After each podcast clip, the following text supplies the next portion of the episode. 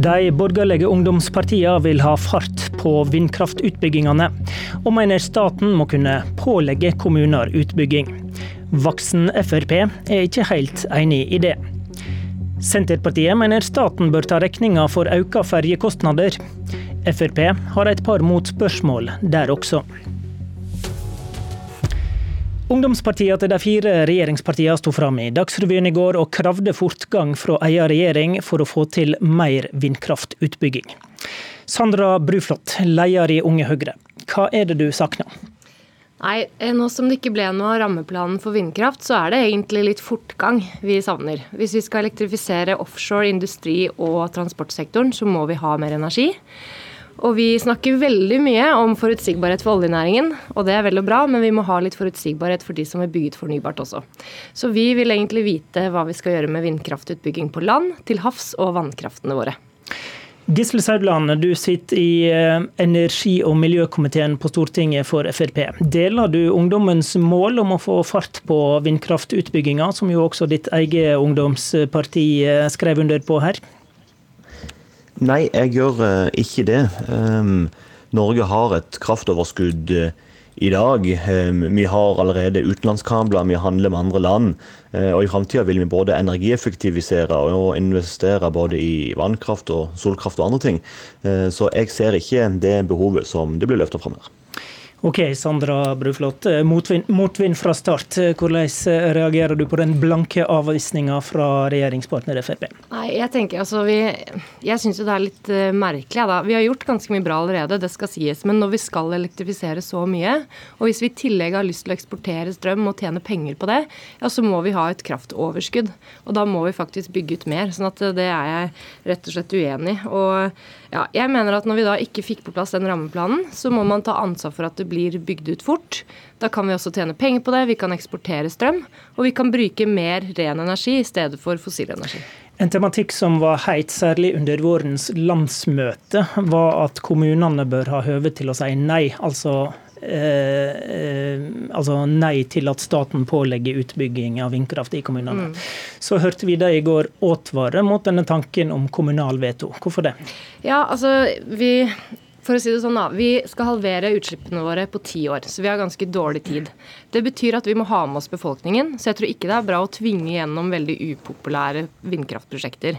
Når det er sagt, så syns jeg det er en litt kunstig debatt, fordi jeg tror ikke Frp eller noen andre ville sagt at kommunen skal få legge ned veto mot en jernbanestrekning eller en stor motorvei. Enda det også har store naturinngrep og store konsekvenser for kommunen. Sånn at eh, Jeg mener ikke at kommunene skal få lov til å legge ned veto mot et vindprosjekt, men det betyr ikke at vi bør gjøre oss veldig upopulære. Så ja, jeg syns ikke de bør ha veto. Jeg syns også det er litt rart å på en måte eh, shoppe veto eh, etter hvilken sak det er. For jeg tror ikke Frp hadde ment at en kommune skulle få legge ned veto mot et samferdselsprosjekt f.eks. Saudland, eh, hvordan responderer du på den? Frp vedtok jo på sist landsmøte at kommunene skal ha veto i disse sakene. Altså, Frp, er jo, Frp, er jo, opptatt av eh, lokaldemokratiet, og eh, for meg er, eh, er det det viktigste.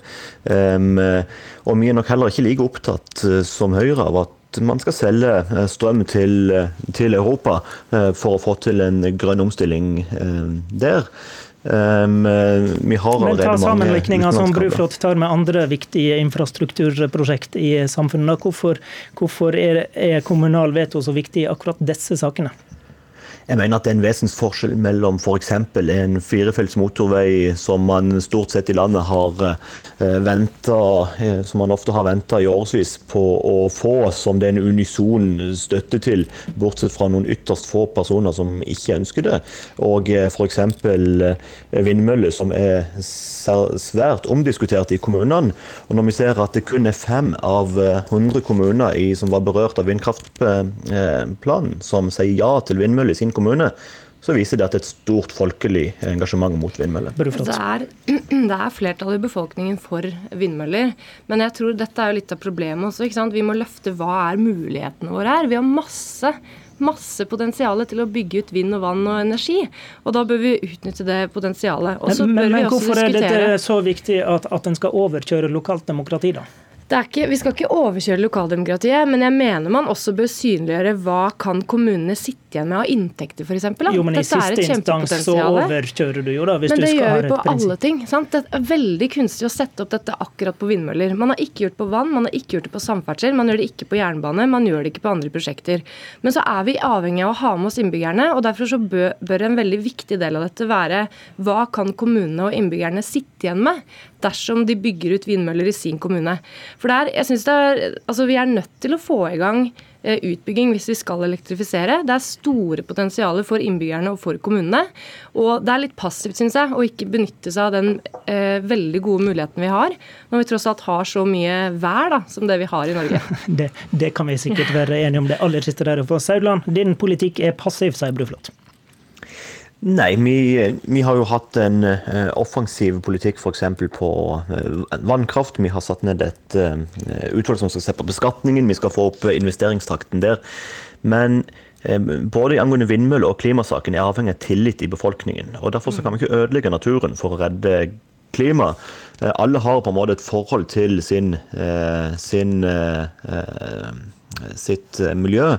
Og jeg tror at hvis det er noe som man fint eh, kan avgjøre på lokalt nivå, så må det være nettopp en sak om, man, eh, om det skal bygges vindmøller i sitt lokalmiljø, i sitt uh, nærmiljø og i sin kommune. Og, jeg er ikke så redd for at man skal spørre innbyggerne til råds, fordi det er tross alt innbyggerne der ute i distriktene som vil leve med de vindmøllene. Nettopp stikkordet tillit er vel helt avgjørende her. Det viser vel det siste året. Ja, jeg, men jeg tror vi kan få med innbyggerne på det. Men det er da jeg mener at denne regjeringen har et ansvar for at vi får eh, lagt fram altså hva er det vi ønsker oss da, av vind på land, til havs og vann. Og så er det en myte å tro at vi kan bare utnytte vannkraften vår litt bedre, og så skal det holde. For det vil faktisk ikke holde hvis vi skal elektrifisere. Og Frp og andre, mener jeg, da, bør også være interessert i at vi kan eksportere kraften vår og tjene penger på det. Og da vil det heller ikke holde å bare utnytte noe av den vannkrafta vi har. Da må vi bygge ut mer. Men det er mulig å få det til med innbyggerne også. Takk til Sandra Bruflot og Gisle Saudland. Abonner på Politisk kvarter som podkast og få sendinga rett til din mobil. Da går vi fra Sandra Bruflot til Sandra Borch fra Senterpartiet. God morgen. God morgen. Det er ferjeopprør langs kysten etter til dels kraftig prisauke i fylker som Møre og Romsdal og Nordland. Og nå vil Senterpartiet at staten går inn og innfører makspris, bl.a. Eh, det kommer fram i et forslag som ble presentert rett før helga. Eh, dere løfter dette inn for Stortinget. Hva ligger egentlig i forslaget fra Senterpartiet? Noe av det første denne regjeringa gjorde, var å endre inntektssystemet, som gjør at eh, kystfylker med båt og ferge får mye mindre midler med denne regjeringa. I tillegg så har man også nå innført fossilfrie båt og ferge, noe som gjør at man får en merkostnad. Og Da mener Senterpartiet at staten må gå inn og ta, ta en del av den regninga, for nå ser vi at mange fylker sliter eh, med eh, vektige og vanskelige prioriteringer i sine heimfylker, og det går til syvende og sist utover innbyggerne innbyggerne sitt tilbud. Eh, Både i Nordland og Møre og Romsdal så er det Senterpartiet som har de viktigste posisjonene, som styrer samferdselspolitikken. Med det forslaget her så erkjenner dere vel at staten må inn og rydde opp etter manglende prioriteringer fra dere lokalt, da? Nei, eh, fordi at denne regjeringa har sultefòra eh, fylkene langs kysten over flere år. Senterpartiet prøver nå å bidra til at alle kystfylkene får det man trenger av midler for å gi innbyggerne et godt Eh, båt- og fergetilbud. Nå ser vi at mange familier rammes hardt eh, av, eh, av økte priser. Denne regjeringa har som sagt sultefòra kommunene. De har også økt momsen på billettpriser fra 8 til 12% Det er dramatiske konsekvenser for folk som bor i de kystfylkene. Frank Sve, du er fylkesleder for Frp i Møre og Romsdal og har årelang erfaring med ferjepolitikk. Hvordan reagerer du på utspillet fra Senterpartiet om statlig inngripen her? Nei, Dette her er jo, er jo eh, argeste politiske lavmål jeg har hørt på aldri så lenge. I 2010 tvinget Senterpartiet og Liv Signe Navarsete over på fylket alle de gamle riksveifergene. I tillegg til 6-7 milliarder i vedlikeholdsetterslep bare i Møre og Romsdal. Allerede da så mangla vi store midler til ferge. Det fikser regjeringa i dag. I 2016-2017 så var vi på plass igjen etter det etterslepet som de rød-grønne påførte oss. Og vi var på, på, det nivået som nasjonal fergestandard la. Det er ikke, det ikke regjeringa som er ført til at det er det er, er opprør langs kysten. Det er Senterpartiet prøver å skape et opprør gjennom at de sitter og styrer i fylket Møre og Romsdal og Nordland. Bruker mange hundre millioner på opera og på byutvikling og alt mulig annet som fylket overhodet ikke har noe som helst med. Og så skylder de på regjeringa kjent stil fra Slagsvold Medum, som tydeligvis har instruert sine langs hele kysten. Dette her er rett og slett politisk eh, lavmål. Senterpartiet burde pisken til holde seg for god til å holde på med sånt spill som dette som overhodet ikke har noen ting med realitetene å gjøre. Fei for eier dør, begynner på å hjelpe til i Stortinget, i stedet for bare å sitte og prøve å, å bråke og lage, lage spetakkel langs hele Sandra, Sandra Borch.